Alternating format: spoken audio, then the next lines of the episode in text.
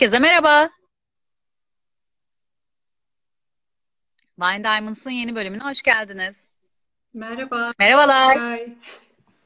Aslıcığım hoş geldin. hoş bulduk. Nasılsın? Teşekkür ederim. Sen nasılsın? İyiyim, ben de daha iyiyim. Ee, ufak teknik aksaklıklarımız oldu. O yüzden birkaç dakika geç başladık.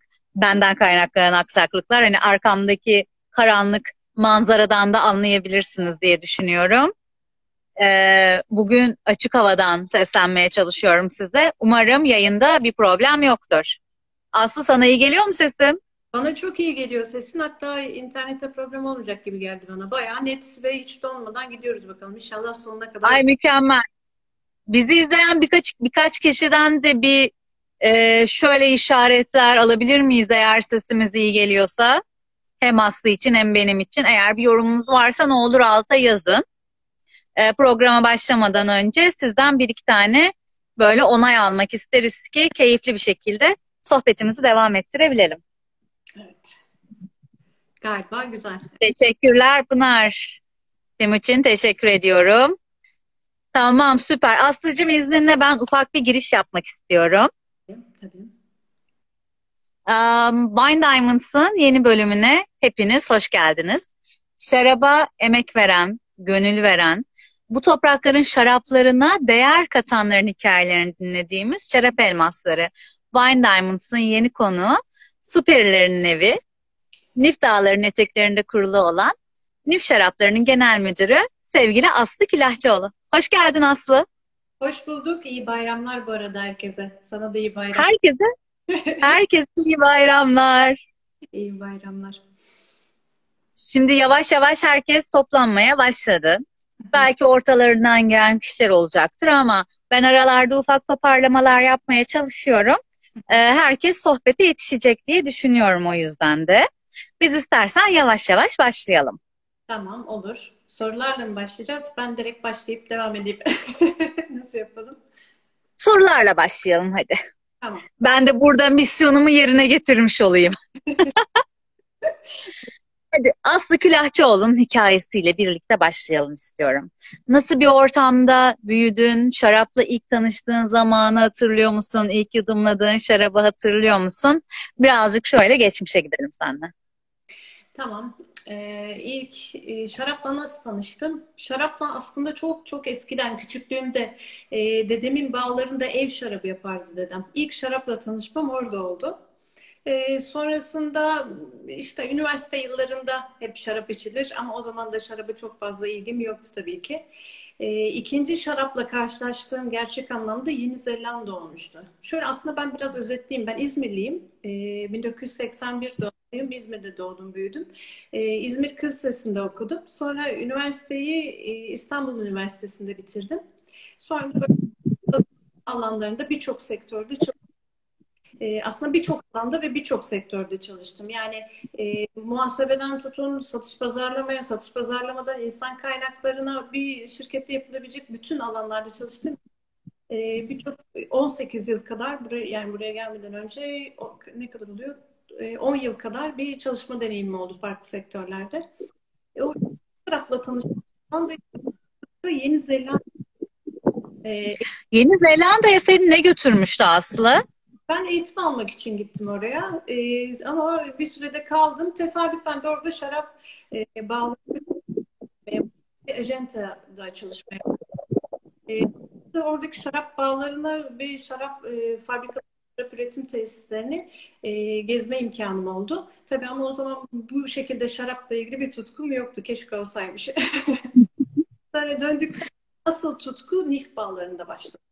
Yani Nif bağları benim için şarabın büyüdüğü yolculuğu diyebilirim. İlk yudumladığın şarabı hatırlıyor musun o zamanlar dedenin bağlarında?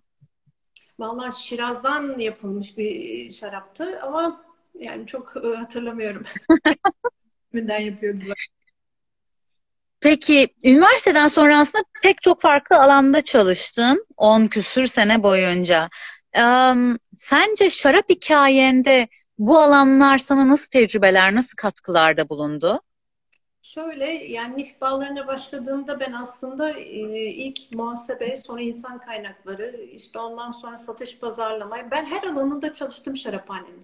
Her alanında yani bürokratik yazışmalarından tutun, muhasebe kayıtlarının tutulmasından, insan kaynakları için işte yapılacak bütün işlemlerde insan kaynakları alanında e, ve aynı zamanda satış pazarlama, üretim ve laboratuvarda katıyorum. Tüm analizler dahil olmak üzere tüm alanları yapıyorum tüm şaraphanede. O yüzden bence farklı sektörlerde, farklı farklı alanlarda çalışmak bana bunu kazandırdı diyebilirim. Ya ben tek e, şaraphanenin içerisinde tek bir alanda değil, dediğim gibi üretimin şişelemeden tutun işte stabilizasyondan, fermentasyondan, bağ da dahil olmak üzere tüm alanlarında bizzat birebir olarak çalıştım. O konuda çok şanslıyım. Zaten ondan oluştu herhalde biraz da. Bu da bu, aslında. Çünkü ben bu şey gibi kendi şaraphanende aslında sanki staj yapıyor gibisin. Hani nasıl stajlarda bizler her alandan birazcık kapmaya çalıştık, her şeyi biraz öğrenmeye çalıştık. Hatta hani büyük şirket sahipleri de aslında bunu yapar, çekirdekten yetişmeye çalışırlar. Ee, herkes ufak ufak farklı alanlardan kapmaya çalışır. Ee, senin de yapmaya çalıştığın şey aslında buna benziyor birazcık. Evet yani ister istemez kendiliğinden oluşturuyor. Şöyle yani eğer ki biz butik bir üreticiyiz, çok az çalışanımız var. Dolayısıyla laboratuvardaki işte kimyager arkadaşımız eğer rahatsızlanırsa, işten ayrılırsa ya da olumsuz bir şey olur biz işten çıkarırsak oradaki işin aksamaması lazım. Yani şarap üretimi çok meşakkatli çok dikkat edilmesi gereken, en ufak bir hatayı affetmeyen, bütün senenin ürününü çöp haline getirebilecek bir şey, üretim, hani iş. Dolayısıyla da her alanı bilmek gerekiyor. Yani dolayısıyla ben o analiz kısmını mecburen öğrenmek zorundaydım. Çünkü Tabii. oradaki arkadaş ayrılırsa ben devam etmeliydim. Oradaki ayrılırsa üretimdeki her şeye hakim olmalıyım ki e, onun yerine işi devam ettirebileyim. Yani ben dolayısıyla ister istemez birçok alanda bu seneler içerisinde bilgi ve deneyim sahibi oldum. Mutluyum bundan. Çok böyle tam şarabın A'dan Z'ye, Bağ'dan ondan sonra nihai tüketiciye ulaşıncaya kadarki kısmının hepsine hakim olmak güzel bir duygu bence. Peki bir şöyle bir taraftan da girmek istiyorum ben konuya. Aslında senin hikayen şarapla ilgilenen ama işe nasıl başlayacağını bilemeyen pek çok insana bir ilham kaynağı. Sen bunu işin başındayken öğreniyorsun ama işin başında olamayan şarap meraklıları da var tabii ki. Sen onlara nereden ve nasıl başlamalarını tavsiye ediyorsun? Evet. Ya zaten merak başladıysa şaraba karşı mutlaka tadımlar da başlamıştır. Artık üzümlere inilmiştir, üzümler inceleniyordur, karşılaştırılıyordur. Bence o noktada birazcık daha e, şaraphane gezilerine önem verebilirler. Hasat döneminde ziyaret etmek çok önemli çünkü çok güzel workshoplar. Biz de yapıyoruz. Diğer şaraphaneler de düzenliyor. Çok güzel workshoplar var. Çok da güzel anlatılıyor. Ya da farklı e, şarap tadımları oluyor. Gerçekten bu işin profesyonel anlamda yapan insanlar var. Dolayısıyla onların tadımlarına katılıp bir şeyler öğrenebilirler. Ama bence şaraphane gezileri ve o hasat dönemindeki katılmalar, o workshoplara katılmak çok önemli onlar için. Yani o olabildiğince fazla tatmak, olabildiğince fazla gezmek lazım. Bu çok gezen mi bilir, çok okuyan mı bilir e, klişesinin bence birebir yaşandığı bir sektör. İkisi de cevabının da gene birebir uygulanabileceği bir sektör. Çünkü oku oku gerçekten de bitmiyor. Bizim WSET çalışmalarımızdan da en iyi e, bunları bizler biliriz diye düşünüyoruz okuma kısmında da. E, peki şimdi birazcık NIF bağlarına dönelim istiyorum. Hı hı. NIF aslında ekosu çok güçlü bir isim bir yandan da. E, hikayesi ise e, çok eskilere dayanan bir kelime. E, bize birazcık NIF bağlarının Nif kelimesinin şarap hikayesini anlatabilir misin? Tabii yani Nif nereden esinlendik, biz nereden çıktı o şekilde başlayayım. E, Kemal Paşa'nın e, Orta Çağ'daki adı Nifeni'den esinlenerek aslında e, yani Nifeni'n diye geçer. Nifeni'n ne, nedir? E, niflerden oluşur. Nif nedir? Peri demek. Aslında e, hı hı. mitolojisine dayanıyor. Yunan mitolojisinde e, bu denizi ve e, yeri dolduran e, tanrısal e, dişi tanrısal varlık bunlar. E, ölümsüz değiller ama aynı zamanda da e, çok uzun yaşama yetisine sahip çok güzel ve zarafetleriyle bilinen peri bunlar. Dolayısıyla Orta Çağ'daki bu Ninfeni'yi araştırdıktan sonra yani Kemal Paşa'nın tarihini araştırınca e, şaraptaki o markamıza da Kemal Paşa'nın tarihini, bulunduğumuz bölgenin tarihini yansıtabilmek güzel olur diye düşündük. Güzel de oldu gerçekten. Bu arada Kesinlikle. Evet, Nif Dağı'nın, Nifeni'nin sonra Nif esinlenerek Nif olarak değişmiş. Cumhuriyet döneminde de Kemal Paşa ismine dönmüş. Ama en eski ismi Kemal Paşa'nın Nifeni. Böylelikle de işte Kemal Paşa'nın da tarihini insanlara anlatmış oluyoruz markamızla beraber. Güzel bir şey oldu bence. Şahane. Bence hikayesi de çok güçlü bir şey. Kökeni de e, bir yandan çok güçlü ve e, benim için çok enteresan bir sektör. Şarap sektörü kadın ağırlıklı bir sektör. E, Türkiye'deki birçok sektörün aksine e, bence NIF ismi e, nimfalardan gelen NIF ismi superileri e, dişi gücün de çok yüksek olduğu bir isim. E, onu da aşırı şekilde destekliyor diye düşünüyorum. Peki Nif Kemal Paşa'nın eski adı. Bugün de Nif Dağları aslında özel korunan bir bölge. 600'den fazla tür yaşıyor bu bölgede. Ee, bunların bazıları da sadece dünyada Nif Dağları'nda yaşıyor. Yani sizin aslında e, bağınızı çevreleyen dağların belli başlı kısımlarında yaşıyor. Çok özel bir alandan bahsediyoruz hem ekolojik olarak hem coğrafi olarak hem de tarihsel olarak. Ee, siz Nif bağlarını böyle doğal bir güzelliğin ortasında kurmaya nasıl karar verdiniz? Aslında bizim e, bağlarımız dededen kalma. E, 2004 yılında bizde dededen kalma 110 dönüm bağ vardı. E, 2009 yılında 400 dönüme çıktı. Yani aslında bu bağ e, firma sahibi ve yönetim, e, yönetim kurulu başkanımız e, Hamit Bey'in çocukluğunun geçtiği bağlar. E, işte burada büyümüş. İstanbul'da diğer firmanın da ilerleyen saat şeyde dakikalarda bahsederiz. Diğer firmada ilgileniyor olsa da buradaki bağlardaki bu bağcılık kültürünü bugüne kadar getirmeyi başarmış dedelerimiz Ahmet Bey'den gelen. Dolayısıyla Aslı şeyi merak ediyorum ben. Dedenin zamanında hiç ticari şarapçılık yapılmış mı? o zamanlarda işte Kavaklıdere ve e, büyük hani e, şey işte Kavakdere, Kayra bunlar bunlara üzüm e, satışı yapılıyormuş tabii ki. E, Hı hı. Yemeklik üzüm ağırlıktaymış tabii ki. Şaraplık üzüm o da bölgede çok sıkıntı yaratmış. Çünkü bu firmalar e, üzümü sadece onların yani daha doğrusu şeyin değil, bağcının değil, firmanın e, talebiyle fiyatlar belirleniyormuş ve o hı. fiyatı verip alıyormuş. Hatta birçok kişi e, bağını söküp hiç bile haber vermeden bile e, ertesi gün yemeklik üzüme e, şey de, döndürenler de var. Dolayısıyla bu firmalar mesela bir dahaki sene geldiklerinde aynı bağda aynı üzüm bulamamışlar. Fiyatlar çok düşük. Şeyi bir hatırlatmak isterim ben bizi dinleyenlere ve bundan sonra kayıtlarda da dinleyeceklere. 2002-2003'lerden önce yani yasa, tekel yasası değişmeden önce Türkiye'de belli başlı büyük şarap firmaları var tabii ki. Doluca, Kavaklıdere, işte Tekel'in bugünkü May, Diageo, e, o zamanki şarap firmaları e, irili ufaklı butik şarap firmalarının kurulabileceğine dair kur, yani kurulmasına izin veren bir yasa yok.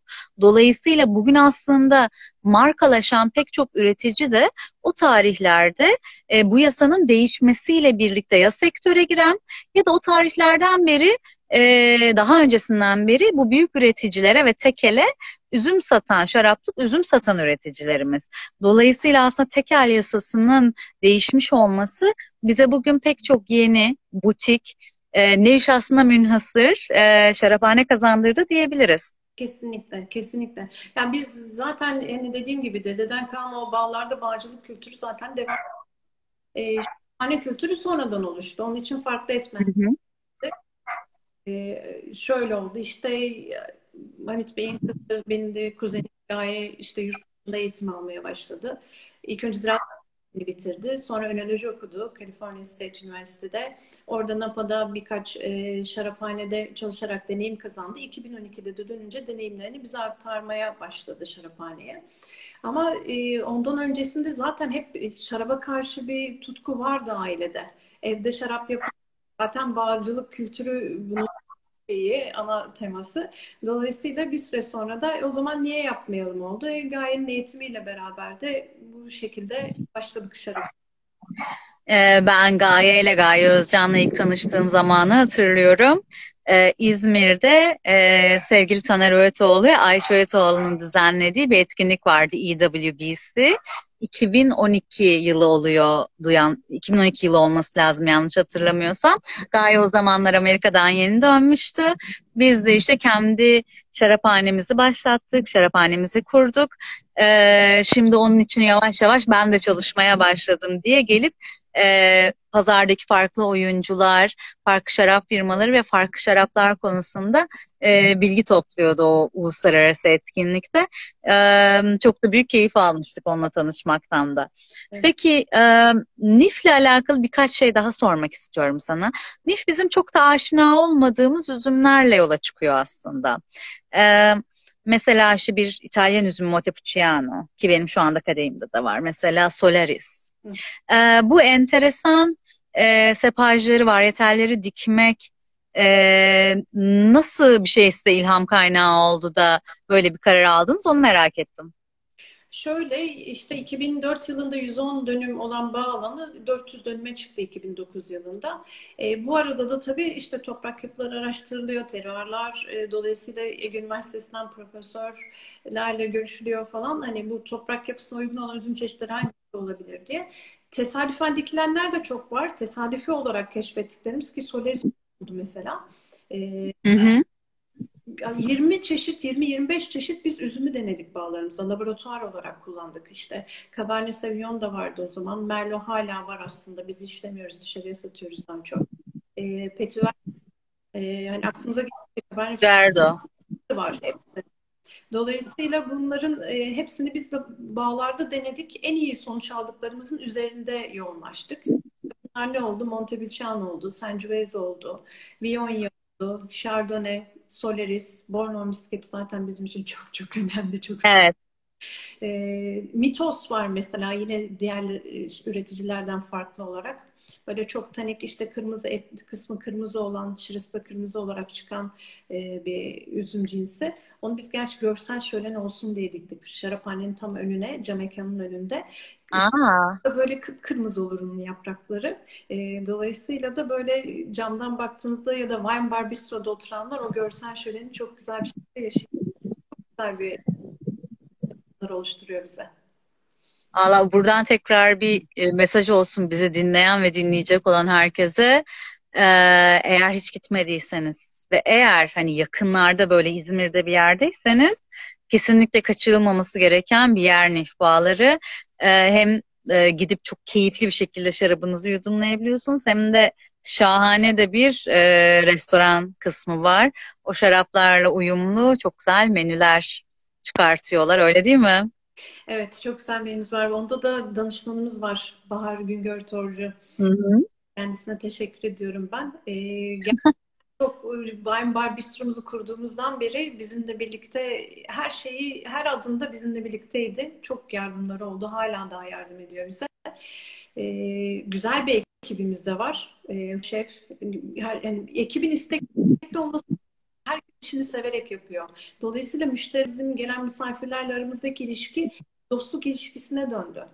E, dolayısıyla da hani ekibi çok seviyorum bir. E, Bahar'ı çok seviyorum. Biz dediğim annenin içerisindeki ekip de öyle. Hepimiz böyle birbirimize kardeş gibiyiz. Dolayısıyla bir aile gibi olduk. Herkes severek yapınca da güzel şeyler ortaya çıkıyor. Ben güzel bir menümüz oluştu. İşte ne var mesela değişik e, keşkek var mesela çıntar mantarıyla yaptığımız. Ondan sonra e, da kuzu var. El yapımı özel sosis var. İşte trüflü peynir fondü var. Ondan sonra işte misketten yaptığımız çok özel e, şeyler var, kokteyller var. Bu sene yeni menüye giren. E, bu arada biz hazırlıklarımızı tamamladık. Bekliyoruz. işte Az kaldı. Çıktığı andan itibaren hepimiz heyecanlı bir şekilde ekip sürekli gelip gidiyor şaraphaneye. hani şey normalde izinliler kapalı ama herkes heyecan içerisinde iki günde bir şaraphaneye gelip e onu da tamamlayalım. Bunu da e, açılış tarihi belli olmadı ki diyorum ben. Olsun biz açılınca hemen anında biz burada oluruz şeklinde böyle birbirimizle haberleşiyoruz sürekli. Ay çok güzel. Bu e, ekip halinde, aile halinde çalışmanın önemi e, ve verdiği güç de gerçekten inanılmaz şaraphanelere diye düşünüyorum ben de. Ee, bir de şunu sormak istiyorum. Şimdi e, az önce sen de bahsettin. e, şaraphanede yetişen üzümlerden, bağda yetişen üzümlerden bahsederken Bornova misketinin bizim için özel bir yeri var dedim. E, biraz bu Bornova misketi sayfasını açmak istiyorum. Çünkü gerçekten e, Nif'in imza şaraplarından bir tanesi oldu Bornova misketi. Evet pek çok e, farklı üreticinin Bornova misketi e, üzümünü yetiştirdiğini biliyoruz. Nif'i e, bu, bu, bu üzüm açısından bu kadar özel yapan şey ne? Nasıl bu kadar farklı oldu Bornova misketi? Bornova misketi bir kere öncelikle yerel varyetel olduğu için biz çok önemsiyoruz. Ve ilk e, üretimini yaptığımızdan beri, ilk hasattan beri de hakikaten çok çok güzel sonuçlar aldığımız için, çok da beğenildiği için ben mesela benim favori üzümlerimden bir tanesidir Bornova misketi hatta en favorisi. Dolayısıyla hepimiz böyle bebeği bebek gibi bakıyoruz. Bağda da üzüme bebek gibi bakıyoruz. E, şaraphanede işlerken de öyle. Ve zaten bu toprakların ana vatanı bir ara hatta Bornova Belediyesi ile ortak çalışma yapmak istedim. Hı işaretlemesinin alınması için Bornova Belediyesi başvurusunu yaptı. Bireysel başvuru ya da firma bazında yapılamadığı için e, yakın bir zamanda sonuçlanacaktır o da. Yani dolayısıyla o, bu bölgenin üzümünün olması ve aynı zamanda bizim o üzümü sahiplenen ilk firmalardan da bir tanesi olmamız bence o bize özel yapanlardan bir tanesi. Çünkü piyasada Bornova misketleri var. Güzel yapanlar da var hakikaten. Ama bizim için Bornova misketi, Nif Bornova misketi çok çok farklı. Onun da sebebi hem ana vatanında olması hem de bizim bence çok önemsiyor olmamız. Ya ben buradan e, şaraba meraklı olan herkesin e, pazarda, piyasadaki farklı üreticilerin ve tabii ki Nif'in Bornova misketini yan yana alıp koyup birlikte tatmalarını tavsiye ediyorum. E, bence hani herkes şey der, um, işte Sauvignon Blanc, Chardonnay bunlar işte terroir farkını özellikle mesela Chardonnay terroir farkını çok iyi anlayabileceğiniz bir hani üzümdür. Ama e, bence Bornova misketi yetiştiği toprağı ve e, teruarı çok iyi yansıtan bir üzüm diye düşünüyorum ben. Gerçekten farklı e, teruarların getirdiği özellikleri neler olduğunu anlayabilmeniz açısından oldukça keyifli ve bence buranın üzümü olması, bu toprakların üzümü olması da ayrı bir güzellik katıyor olaya. E, ufak bir parantez açayım isterim o yüzden. Ben bir şey daha ekleyeyim onu unuttum. Mesela e, bizim bence farklı kılanlardan da bir bir tanesi şu, e, bağlarımız bizim biz şato usulü üretim yapıyoruz. 400 dönüm bağın içerisinde şaraphane. Dolayısıyla e, üzümler hemen şaraphanenin içerisine girmiş oluyor. Seyahat etmiyor. Şato. Önemli e, üretim aşamasında. Hani çünkü birçok firma dışarıdan oluyor. Kendi bağında olmayınca etmeniz gerekiyor. İşte özel soğutmalı kamyonlarda olmalı. Yani bir sabah serinlikte bağdan toplanıyor. 5 dakikanın içerisinde e, şey oluyor. Şaraphanenin içerisinde oluyor. Bence bu çok önemli. Üzümün e, şarap aşaması. Kesinlikle. Um, bir sorum daha var daha NIF'le alakalı sorulara geçmeden önce. Ee, geçtiğimiz yıllarda çıkarttığınız bir e, ürün daha var. E, bu bir kupaj. Ee, içerisinde işte Syrah, Sangiovese, Montepulciano üzümleri var. Adı Perseus. Şimdi Perseus aslında e, çok büyük bir, çok iyi bir Yunan efsanesi. E, genç neslinde, yaşlı neslinde çok iyi bildiği bir e, efsane Perseus. Nif'le Perseus'un yolları nasıl kesişti? Şöyle oldu. Aslında biz e, Perseus bizim ilk aşamada neden biz Perseus markasını yarattık? Çünkü hı hı. E, piyasada hem uygun fiyatlı hem de e, iyi bir şarap olsun hem de biz daha çok kitleye ulaşalım. Hani o dediğin genç hem de aynı zamanda o yaşlı kesim, o yaş aralığı ve aynı zamanda gelir aralığı da öyle. Yani hı hı. gelir durumuna bakmak iyi fiyat marka içilebilmesi amacımızdı ve bu böylelikle de daha fazla insana ulaşmak istedik. Yani şimdi bir markete girdiğin zaman Carrefour'a ya da Migros'a girdiğinde raflara baktığında e, o fiyat aralığında bulabileceğin şarapları e, çok az ya da birazcık daha üstüne çıktığın zaman e, ki arada hakikaten uçurum oluyor. Bir orta segmentteki fiyatlar var. Bir de hakikaten arada bir uçurum var ve fiyat farkı çok açılıyor. E, dolayısıyla o fiyat farkı çok açılınca da insanlar onu alacağı zaman tereddüt ediyorlar. Diyorlar ki acaba gerçekten değer mi, iyi mi? Tereddütle yaklaşıyorlar. E, bu tereddüt ortadan kalksın. Bizi de çok daha tanımayanlar daha da iyi tanısın. Daha çok insana ulaşalım istedik. E, öyle de oldu. Perseus'ta çok hakikaten çok fazla insan ulaştı. Başarılı olduk ama. E, dolayısıyla daha iyi tanımaları şey oldu. iyi oldu. Adını Perseus koymak kimin fikriydi? Adını Perseus e, valla aslında hep marka değil aslında altında seri olarak değerlendiriyoruz. Bizim ana markamız hı hı. Ya bu ortak olarak karar veriliyor. Oturuluyor. Herkes bir fikir sunuyor. O nasıl, bu nasıl oylamaya sunuyoruz. Sonra da Perseus bir sürü işte isim ne koyabiliriz düşünüyoruz. E, sonrasında da e, ortaya en son herkesin oylarıyla bir şey çıkıyor. O da Perseus oldu bu sefer. Biraz da şeyden bahsedelim istiyorum ben. Şimdi sizin e, aslında bir felsefeniz var. Ve bunun adı nifing. Niflemek. Bugün hep beraber nifliyoruz diyorsunuz. Biraz bize bu felsefeden bahsedebilir misin? Nedir nifing? Aslında Nifing'den önce şey vardı. Bu periler e, Nif isminden dolayı şöyle söyleyeyim. E, her e, Nif yudumunda perilerimiz sizinle, size eşlik etmesi dileğimizle.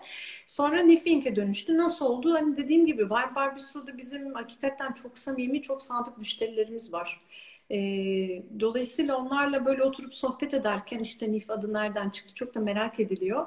E, bahsederken şey dediler. E, o zaman işte anlattık işte Nif her yudum birlikte olsun. İşte biz e, bundan esinlendik falan. O zaman nifing diyoruz dediler. Nifingleme oradan çıktı. Demlenme anlamına da geliyor. E şaraphane de bunun için çok uygun.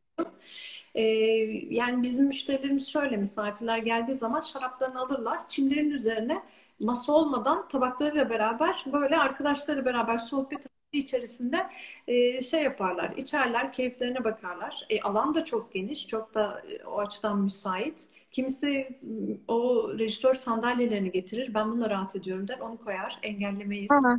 Alır şarabını bağın içerisinde gezer. Ondan sonra bağın içerisinde oturur. Ondan sonra orada şarabını içer. E, dolaşır. Dolayısıyla hani burada böyle tam diğer şaraphane ve restoranlardaki şarap içmek de aslında nifte şarap içmenin arasında birazcık böyle fark oluşmuş oluyor. Dolayısıyla da nifingleme böyle bir fels nifing felsefesi oluştu. E bu Nefing felsefesi ne içeriyor? İyi servis. Müşterilerin kendilerini iyi hissetmesi, rahat hissetmesi, hani aile ve dost ortamının içerisinde sohbetle geçen, hani sadece oturup birkaç saatini restoranda geçirip yemeğini yiyip gitmek değil, hem sohbet edebiliyorlar bizimle hem de istedikleri gibi kendi alanları, kendi evinin bahçesi, kendi çim alanıymış gibi istedikleri şekilde rahatça takılabiliyorlar. Dolayısıyla da aslında bu nifing felsefesi bizim tarafımızdan değil ortak çıkan bir şey. Müşterilerimizle, ortak misafirlerimizle ortak çıkarttığımız bir felsefe. Ya misafirlerden böyle bir e, hani kelimenin çıkıyor olması çok değerli bir şey kesinlikle. Hani demek ki kendilerini evlerinde hissettikleri, bağ, bağın bir parçası gibi, şarabın bir parçası gibi hissettikleri bir alandalar ve onun üzerine çıkan bir şey bence acayip değerli. E, bu arada çok enteresan yerlerden izleniyoruz şu anda. E, Katalunya'dan bizi izleyen bir arkadaşımız var. Kendisi de iki Michelin yıldızı bir şef. E, Ola Pera demek istiyorum buradan kendisine de hala bizi dinliyorsa. Teşekkür ediyoruz katıldığı için de. E, umuyorum e, Türkiye'ye gelme fırsatı olur tekrar. Bir gün bu yollar açılır ve onu tekrar buralarda ağırlayabiliriz. O zaman kesinlikle nifinkliyoruz sizde hep beraber. E, peki e, burada yarattığınız felsefe e, aslında önoturizmin de bir parçası diye düşünüyorum. Biraz önoturizmden ve e, bu alanın hikayesinden bahsedebilir misin? Yani nasıl kuruldu buradaki e, gastronomi noktası? Biraz bundan konuşalım mı?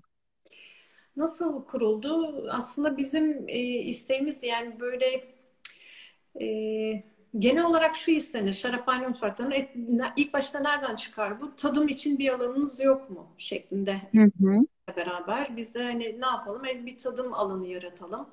E, ama şaraphanenin içerisinde olmasın. Neden? Çünkü tütün alkol piyasası şaraphanenin içerisinde tadıma izin vermiyor. E ne yapalım? O zaman ayrı bir alan gerekiyor. E, ayrı bir alan gerekiyor de e, burası küçük oldu tadım için. E, gelen bu sefer insanlar tadımı yapıyorlar. Diyorlar ki ya ben burada e, atıyorum nişanımı yapmak istiyorum. Ya da firmanın e, genel müdür geliyor. Ben toplantılarımı burada yapmak istiyorum. E, ya da ne bileyim e, düğünler için çok talep oluyor. Hani bağın içerisinde düğün yapmak insanların hakikaten çok cezbedici geliyor. E, başka işte güzel etkinlikler yapalım istedik biz de. Mesela işte caz müzik eşliğinde güzel e, bir şarap yemek eşleşmesi çıksın ortaya. Sinema geceleri yapalım derken e, bize bu alan yetmemeye başladı. Küçücük o tadım odası. E, ne yapalım o zaman büyütelim burayı mahzeni de mi alsak acaba? Başka bir yere mahzen yapalım şeklinde. Hatta şimdi onu döndü. Kapalı bir alan mahzenin içerisinde sadece şey şirket toplantıları için ayırdığımız bir alan var. Çok talep oluyor çünkü. E, restoran alanı, kapalı alanı ayrı bıraktık. Bir de dışarıda böyle düğün yapabilecekleri bir alan. Hatta ve hatta şimdi yeni proje çatı ilerleyen dönemlerde e, andırmak istiyoruz. Çok güzel bir manzarası var. E, çok da büyük bir alan. Dolayısıyla şu andaki mevcut o büyük dediğim çim alan aslında hakikaten büyük. Ee, ama o bile artık yetersiz kalacak gibi. Çünkü çok hakikaten çok insanlar önemsiyorlar. Bağda bir şeyler e, etkinlik yapmak, işte o sıkıcı şirketlerin toplantı odalarından kafalarını çıkarıp bir şaraphanenin içerisinde hem toplantı yapalım sonra ne yapalım işte e, bir şarapla beraber birkaç şey atıştıralım. Hem keyifli olsun hem de çalışanlarımız mutlu olsun diyerek çok böyle e, talep olmaya başladı. Biz de güzel etkinlikler yaptık geçen sene aslında işte böyle sinema gecemiz vardı güzel. E, açık hava sineması. Minderini sandalyesini alan gelip e, izleyecekti. Ama o gün biraz yağmurluydu hava. Ama bizim dediğim gibi alanlarımız şey sınırlı değil. İçeriye aldık hemen. O daha da keyifli oldu. Tam böyle fıçıların arasında, tankların arasında dev wow. İşte trüflü popcornlar, pizzalar dolaştı, şaraplarını yudumladılar. Çok keyifli geçti. Ee, bu hasat şenliklerinde bu sene inşallah e, şey olursa sıkıntı çıkmazsa korona maalesef bazı şeyleri etkileyebiliyor. E, güzel bir hasat yine üç gün şenlikleri yapmak istiyoruz. Hatta şey bile yaptık biz. Böyle hasat canlandırması yaptık. Traktöre bindiler gelenler. Ondan sonra bağa gittiler, üzümlerini topladılar. Sonra işte onu aldık biz sap ayırma makinesinden geçirdik onlarla beraber az bir miktarda. Sonra işte tanelerini ayırdılar. Sonra şeye gönderdik, e, kırmızılarda tanka gönderdik. Ertesi gün beyazlarda yaptık aynı şekilde prese gönderdik. Pres aşamalarını gördüler. Hani böyle bayağı güzel insanların hatta bilgi edinebileceği, meraklarını giderebileceği güzel aktiviteler böyle düzenlemeyi düşünüyoruz tekrar Hasat'ta. Böyle tam bir şarap yapma tecrübesi yaşatmışsınız onlara aslında. Evet, aynen öyle. Wow, mükemmel. Çok keyifliydi. Bağın içerisine girdiler, üzümleri topladılar bayağı sepetlerin içerisine. Sonra tekrar traktörle geldiler. Ondan sonra işte sap ayırma makinesinden geçti. Tüm aşamaları yaşadılar tankın içine girinceye kadar. Tabii. Aslında şey çok enteresan. Şimdi pek çoğumuzun traktöre bile binmediğini düşünürsek evet. ve şarabı sadece market rafından e, ya da işte kargodan gelen koliden çekip alıp içtiğimizi düşünürsek sıfırdan bütün bu aşamaları en azından o üretim aşamasını görüyor olmak oldukça enteresan bir şey. Keşke bir de şey yapabilsek. Yıl boyu şarap etkinliği, şarap experience'ı. Şubat'ta da bağ budamasına gelin. Kış budaması. Yapıyor musunuz? Bence kesinlikle yapabiliriz ama bu korona dedi bu sene maalesef her şeyi iptal ettirdi bize. Restoranda da çok yani wine barda istedi, yapmayı istediğimiz çok şey vardı. Hatta şimdi şeyi de planlıyoruz mesela gelecek fikirler arasında. Bizim çok bir alanımız var, bostanımız var. İşte fesleğenden, naneden, bamyadan, taze fasulyeden, enginardan aklına gelebilecek her şeyi biz kendimiz yetiştiriyoruz. Ve iyi tarım uygulaması bağlardaki orada da geçerli. E, ve onları organik pazar halinde işte böyle gelenleri satmayı planlıyoruz. Organik demeyeyim aslında hep organik diyorum ama değil. Organik değil. İyi tarım. İyi, bağ, iyi tarım. Evet. İyi tarım felsefesi altında. Mükemmel gerçekten de. Yani bu toprağa dokunma olayı e, sadece bağ ile sınırlı kalmıyor çoğu zaman. İster istemez e, başka alanlara da dokunma ihtiyacı hissediyorsun. Hele hele bir mekanın da buna müsaitse e, gerçekten bunun içine giriyorsun ki ben şey de biliyorum. Sizin orada çok güzel bir zeytin e, bahçesi de var. Çok güzel bir enginar tarlası da var. E, e, enginar olunca ister istemez yanına başka komponentler de gelmeye başlıyor sanırım. Kesinlikle şey var mesela zeytin e, doğ, zeytin de yapıyoruz doğal zeytin. E, dolayısıyla onları wine barda satıyoruz. En son ne vardı bir de çok talep gören acı biber reçeli. E, Aa, o, o da çok talep gördü. Böyle değişik değişik şeyler bu sene de çıkarıp işte açılırsa eğer Wine Bar Bistro ki açılacak herhalde bu Haziran ayında öyle planlanıyor. E, 15'ine kadar bir şey yayınlanır. Biz de açarız diye ah, bekliyoruz. umarım. Neler yapacağız bakalım. Sinema gecelerine tekrar başlayacağız hemen. Ee, o çok talep görüyor çünkü çok istiyorlar. Bu korona döneminde kapalıyken çok gelen giden müşterimiz oldu. Ya kö- kenarda köşede biz yemeğimizi yeriz. Bir şey yok mu içeride? Peynir tabağı verin ben orada şarabımı içeyim gideyim şeklinde. Çünkü çok sıkıldı insanlar gerçekten. E, bizim de ortamımız müsait. İzole anla yani diğer restoranlara göre diğer yerlere göre hakikaten alan çok büyük olduğu için insanları arada iki metre mesafeyle oturtabileceğimiz bir alanımız var bizim. E, o konuda e, insanlar sabırsızlıkla bekliyorlar. Biz de sabırsızız. Bakalım. Yani e, dört duvar arasında aylardır e, kısılı kaldı herkes ve e, şey büyük bir nimet. E, geniş bir alanda limitli sayıda misafir ağırlayabilmek gerçekten çok büyük bir nimet. Yurt dışından pek çok farklı restoran modeli görüyoruz biz bu aralar internette. Sen de muhakkak görüyorsundur. E, böyle izole fanusların içerisinde e, kadehini böyle o fanustan dışarı çıkartarak servis rica eden insanların hani simüle edildiği e, yeni restoran modelleri görmeye başladık ya da kapalı bir alan e, dörtte bir kapasiteyle çalışan ama içeriği dolu ve daha canlı göstermek için e, mekana işte damiler, mankenler yerleştiren hani böyle vitrinlerde gördüğümüz gibi restoran modelleri görmeye başladık. Yani e, servis sektörü gitgide farklı noktalara gidiyor şu anda. O yüzden bu kadar geniş bir alanda hizmet verebilmek ve insanların sağlıklarını riske atmadan böyle bir şey yapabilmek büyük bir nimet. Kesinlikle. Biz o, o anlamda hakikaten çok şanslıyız. Hem açık hava hem de insanlar birbiriyle iki metre mesafe hatta üç metreye kadar mesafe bırakarak çok rahat e, şaraplarını içip yemeklerini yiyebilecekler. Peki Aslı bir de şeyi sormak istiyorum. Şimdi dededen geliyor Nif bağlarının hikayesi ama e, arkasında aslında e, bir aile şirketi var. Şimdi bu e, bizi e, izleyenlerden gelen bir soru. Biraz şunu değerlendirebilir misin? Aile şirketi olan şaraphaneler için e, senin bakış açın, e, görüşün nedir ve bu bu sektöre gene e, bir aile işletmesi olarak girecek olanlar için neler önerirsin? Ya aile şirketi aslında bütün butik üreticiler aile şirketi diyebilirim. Evet. Yani kurumsallaşma anlamında bir tık geride kalınsa da çok güzel avantajları oluyor. Ne oluyor mesela? İşte hakikaten şaraphane kilit noktalar var. Eğer bu kilit noktalara aileden birilerini yerleştirebiliyorsanız onlar hiçbir zaman oradan ayrılmayacağı için ve kendi şirketine ihanet et. Bence bu çok büyük bir şans aile şirketlerinde. İşte bir e, aileden bir kişi satış ve pazarlamayı devralıyor. Bir kişinin üretimi devraldığını, bir kişinin işte e, finansal açıdan e, işleri yürüttüğünü düşünürsek bence bu çok hakikaten bir dayanışmayla, yardımlaşmayla işi çok kolaylaştıran, çok da profesyonelleştiren bir şey. E, bence aile şirketi olarak başlamak güzel bir şey. Yani o yardımlaşma ve hakikaten şimdi biraz önce ben şey dedim. Laboratuvardaki kimyager arkadaşımız ayrılsa Hı.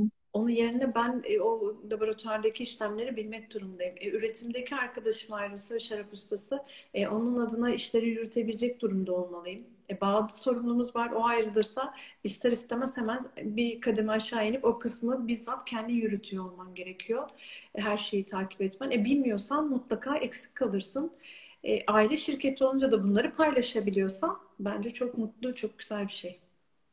Yani yeni başlıyorsan eğer, ya ben yıllarca kurumsal sektörde çalışmış bir insan olarak şunu söyleyebilirim. Ee, eğer yeni başlıyorsan bu işe aynen senin söylediğin gibi hani iş bölümü yapıyor olmak, herkesin her alandan biraz anlıyor olması ama kendi alanını e, en dibine kadar biliyor olması e, bütün organizmanın işini kolaylaştıracak bir şey ki bu insanlar e, iş büyüdükten sonraki zaten böyle işleyen bir çarkta muhtemelen organizma büyüyecektir. E, yarın öbür gün yönetim kurulu üyesi olacaklar ve alttan e, kendi koltuklarını pro başka profesyonellere devrediyor olacaklar. Evet. İşi anlayan birisinin yönetim kurulu koltuğunda oturması da yeni gelen çalışanlar için de e, bulunmaz bir nimet. Çünkü senin ne yaptığını orada biliyor, neye emek harcadığını biliyor ve bazen de yol gösterici de olabiliyor. Yani bunu böyle yapsam daha mı iyi olurdu diyebilecek e, yönlendiricilikte, mentorlukta birisine sırtını yaslayabiliyor olmak da yeni nesil için bence büyük bir e, şey diye düşünüyorum, destek diye düşünüyorum açıkçası. E, dolayısıyla söylediğin şey Ay hiç profesyonel değil bu bakış açısı yorumuna yol açabilir ama işe eğer yeni başlıyorsan, sıfırdan bir şey kuruyorsan, yani evet keşke herkes birbirine sırtını dayayabiliyor olsa ve bu işin bir yerinden tutabiliyor olsa. Yoksa şarap bir ım, ekip oyunu, bağcılık bir ekip oyunu. E, herkes hem laboratuvar tarafından hem üretimden hem bağcılıktan hem satıştan hem pazarlamadan e, yani gün 24 saat arkadaşlar yani anlamak mümkün değil gerçekten de. Ama işte dediğim gibi işi eğer ayrıntısıyla biliyorsan eğer uzaktan zaten nerede bir sorun çıkabileceğini e, tespit edebiliyorsun ve yönlendirmen çok daha rahat oluyor. Az bir şey sormak istiyorum sana. Şimdi az önce sen de bahsettin. Ee, oldukça enteresan e, günlerden geçiyoruz. Hani yüzyılda bir e, insanoğlunun başına gelen aşağı yukarı yüzyılda bir bir e, süreci e, bizler de birlikte yaşıyoruz. E, sen bu süreci e, hem e, dünyada hem de Türkiye'de şarap üretimi, e, satışı, pazarlaması anlamında nasıl değerlendiriyorsun bir genel müdür olarak? Şöyle yani şarap sektöründe şarap üretimi açısından bence Türkiye'de çok problem yaşanacağını düşünmüyorum. Çünkü herkes üretimine devam ediyor. Herkes aynı yapmaya devam edecek. E, şarap satışı da bir anlamda bu sürecin içerisinde bir miktar arttı parakende anlamında. E, restoran kanalının açını parakende anlamında bir miktar kapatmış olduk. E, hakikaten mali açıdan, mali kriz açısından ülkenin bulunduğu durum çok kötü. E, insanlar işsiz, e, hakikaten gün geçtikçe de daha da kötüye gidecek olumsuz bir şey içerisine giriyoruz hakikaten. Pozitif düşünmek birazcık daha sıkıntılı oldu bu süreçte. Bence e, yavaş yavaş bu korona etkisini yitirdikten sonra piyasalar toparlanacak. E, şarap sektörü deyince üretimi Türkiye'de devam ediyor. Ben hiçbir şaraphanenin üretimini, hasatı durdurduğunu, bu sene hasat yapmayacağını düşünmüyorum. Duymadım da. Herkes aradı. Çünkü özellikle de bağınız varsa e, bağda üretim devam ettiği sürece e, zaten şarap üretimi devam etmeli. Ben orada bağımı bu sene e, tanklar baktığınız zaman yeterli. Mesela, mesela ben bu sene üzümleri dışarıya satarak mevcut tankımdakilerle geçirebilirim. O da beni hı hı. tutar. Ama ben o bağı sonuçta ayakta tutmam lazım ve bu sene bakmıyorum seneye devam ederim deme gibi böyle bir lüksüm yok. Ki önümüzdeki senin hasatını etkiler. Bu sene bağ yapacağınız herhangi ya da yapmayacağınız o olumlu şeyler e, önümüzdeki senenin hasatını etkileyeceği için aslında şarap sektörü bence çok da etkilenmedi bu. Sadece girdilerdeki bu dolar euro yükselişlerinden bir dönem biz etkilendik. Onun dışında e, bu koronadan e, evet restoran kanalları kapandı. Alacaklarımız konusunda sıkıntı yaşadık. Restoran kanallarına satış yapamadık ve hala bir süre daha yapamayacağız belki eski bölümde. Ama biz bunu para kendi anlamda kapatmayı başarabiliyoruz diye düşünüyorum ben. Yani çok güzel, şanslı şaraphanelerden bir tanesi. Aşağıdan birkaç tane yorum geliyor. Ben izninle ona da bir cevap vermek istiyorum. Ee, ismi tam okuyamıyorum ama BYC 78 kod adıyla birisi katılıyor. ismini yazarsa eğer ona da hani e, ismiyle hitap etmek isterim kendisine de. Ee, şöyle ki Türkiye'de kişi başı şarap tüketimi bir şişe civarında, bir şişeden daha az diyebilirim. Bu bir şişenin yarısı da Antalya bölgesinde aslında e, yabancı turist tarafından. Barış Bey merhabalar, iyi akşamlar. E, Barış Bey bu bir şişenin yarısını da Antalya civarında e, turizm bölgelerindeki yabancı turist tüketiyor. Yani bizim e, Türk halkı olarak tüketimimiz e, kişi başı 300-375 TL arasında. E, dolayısıyla şuna kesinlikle katılıyorum. Şarap bu topraklarda doğdu. E, evet Ağrı bir pergel takım, bir yuvarlak çizim. Bugünkü işte Doğu Anadolu, Gürcistan, Ermenistan e, şarabın doğduğu topraklar. E, bu kadar ve 7000 yıllık bir tarihten bahsediyoruz. Bu kadar değerli topraklarda şarap kültürünü kesinlikle çok daha fazla arttırmak ve insanlara, tüketicilere e, aşılamak gerekiyor aslında. E, benim kişisel olarak Wine Diamonds adı altında üreticilerle konuşmak istememin nedenlerinden bir tanesi de bu. İstiyorum ki bu süreçten çıkarken e, herkes şaraba bir adım daha yaklaşsın. Birazcık daha bu konuda bilinçli ve meraklı olsun. Çünkü merak araştırmayı, araştırma sorgulamayı, sorgulamada hem üreticinin hem de tüketicinin daha iyisini bulması için e, yeni bir yolu açıyor. E, biraz da o yüzden bu akşam hep beraber buradayız. Ne güzel sizler de sorularınızla, yorumlarınızla bizlere katılıyorsunuz. Çok teşekkür ederim bunun için de. Yani insanlara bu anlamda ulaşmak aslında birazcık zor. Çünkü reklam anlamında hiçbir şey yapamıyoruz. Reklam yasakları var. İşte web sitesinde bir de şaraptan bahsetmemiz yasak. Şarap demek yasak. Neydi? E, fermente. Fermente üzüm suyu. Hmm. Aynen öyle. E, dolayısıyla da işte yani bu aşamada bu Instagram'dan yapılan senin mesela bu yaptığın bu yayınlar e, bizim için çok değerli. Yani bütün üreticiler için insanlara ulaşabilmek ancak bu şekilde olabiliyor. Ya da işte wine bar, bistro, restoranı belki kullanarak bir şeyler yapabilmek önemli. E, yapmaya da çalışıyoruz onunla birlikte. Ama işte sonuç olarak İzmir mesela İzmir'e alıyorum. İzmir'de rakı kültürü var. E, hı hı hala daha tam anlamıyla geçilmiş değil. Yavaş yavaş da tadımlarla e, insanlara ulaşarak restoran kanallarındaki menülerin zenginleştirilmesiyle insanların birazcık daha e, makul fiyatlarla aslında makul fiyatlarla şarap sunabilmek de önemli. Çünkü e, bir menüde şarap açtıkları zaman atıyorum bir şişe şarap ben şöyle bakıyorlar e, bir şişe rakı şu kadar bir şişe şarap şu evet. O zaman ben rakıyı tercih edeyim. Hem bütün masada hep beraber faydalanabiliriz diye. Dolayısıyla uygun fiyatlı şaraplarla işte insanları birazcık daha şarap kültürünü e, oturtabilmek, o şarap tadımlarıyla, senin bu şekilde yaptığın değerli programlarla, canlı yayınlarla, tanıtımlarla, tadımlar da yapıyorsun biliyorum. Onlar da çok hakikaten güzel, keyifli oluyor. Ya yani bunlar hakikaten çok değerli bizim için. Kesinlikle yani şarabın ulaşılabilir olması lazım. Bu yudumladığımız şey e, o kadar böyle burnu büyük, snob, e, kat be kat paralar ödediğimiz bir şey değil aslında. Evet iyi olanına iyi para, iyi olanı da doğru değil aslında. Merak ettiğimize ve e, hak ettiğini düşündüğümüzde iyi bir para öderiz ama bugün mesela ben içtiğim kadehi size göstermek istiyorum. Ben şu meşrubat kadehinde e, Montepulciano şiraz içiyorum şu anda. Ve bunu e, bu kadehte içiyor olmamın sebebi aslında çok basit. Anneannemin evindeyim. Şarap kadehi yok burada. Hani yok. Ve e, hafif geniş ağızlı bir kadeh buldum. Güzel hafif soğutulmuş bir e, kupaş şarabım var. E, aromalarını da alabileceğim bir yüzeyim var. Gayet keyifli bir şekilde burada yudumluyorum şarabımı. Unutmayalım yani pek çok e, şarap yani meyhane kültürü dediğimiz şey mey şarap demek. Ee, su bardağında şarap içilen yerlerden bahsediyoruz.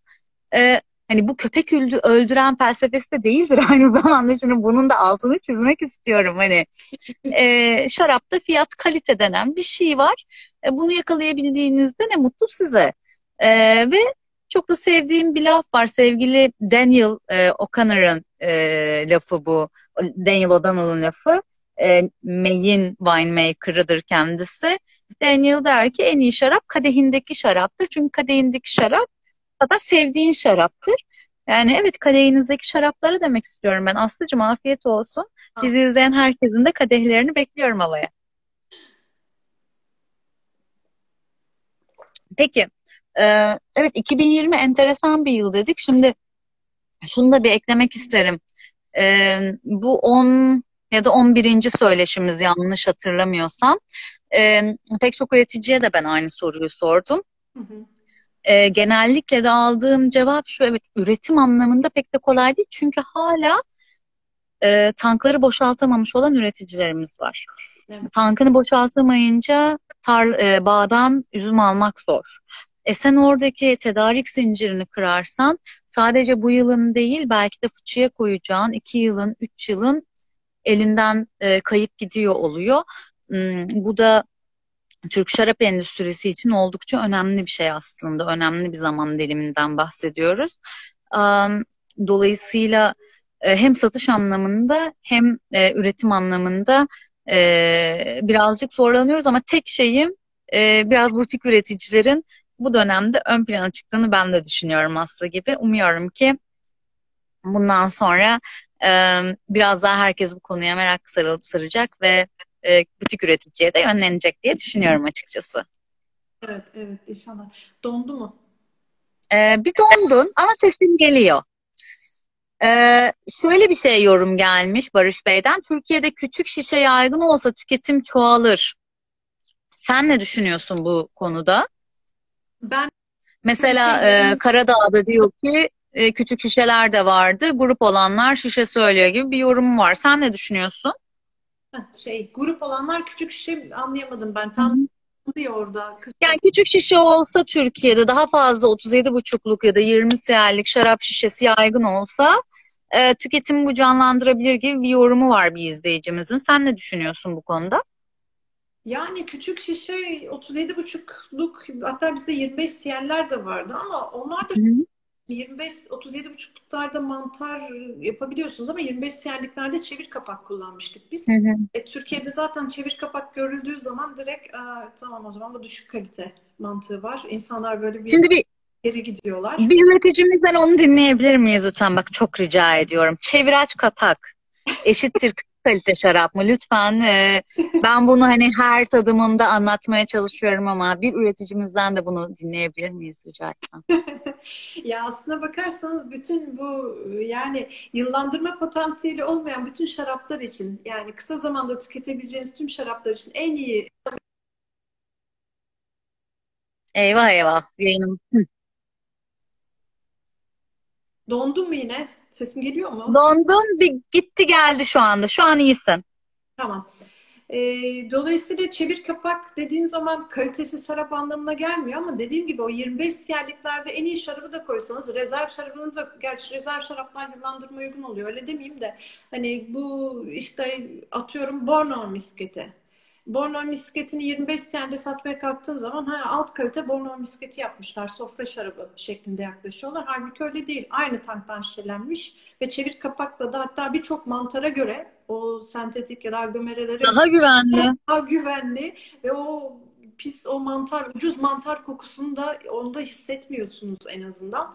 Dolayısıyla o yargıyı yıkmak Türkiye'de birazcık zor zaman alacak bence. Nasıl şarap kültürünün oturması biraz hani zamana ihtiyacımız varsa bu çevir kapak kültürünün de e, anlaşılabilmesi için insanlarda maalesef öyle. Yani şu an bizi izleyen 70 milyona sesleniyorum. Çeviraç kapaktan korkmayın. Kötü şarap olduğu anlamına gelmiyor.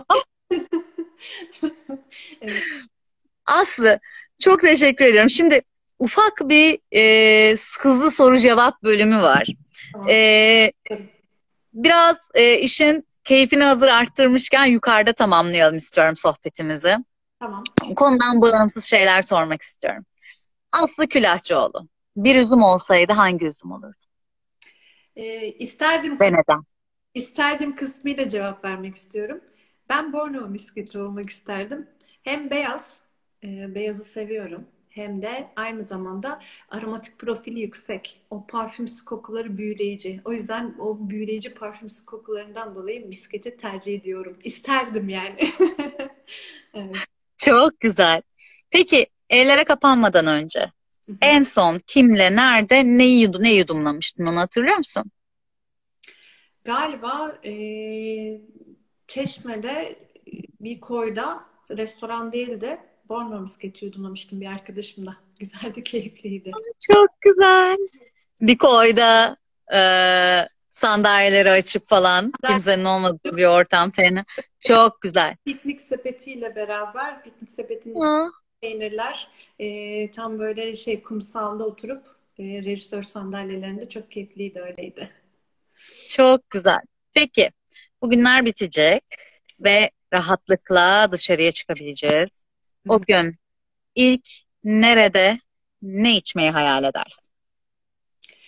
E, bitince aslında heyecanla bekliyorum dedim ya Wine Bar Bistro'muzu açıp tüm ekiple beraber Nif'in yeni rekolteleri geliyor. Haziran'ın ilk Oo. haftası. İşecek hepsi. Onların hepsini beraber tadıp içmek istiyoruz.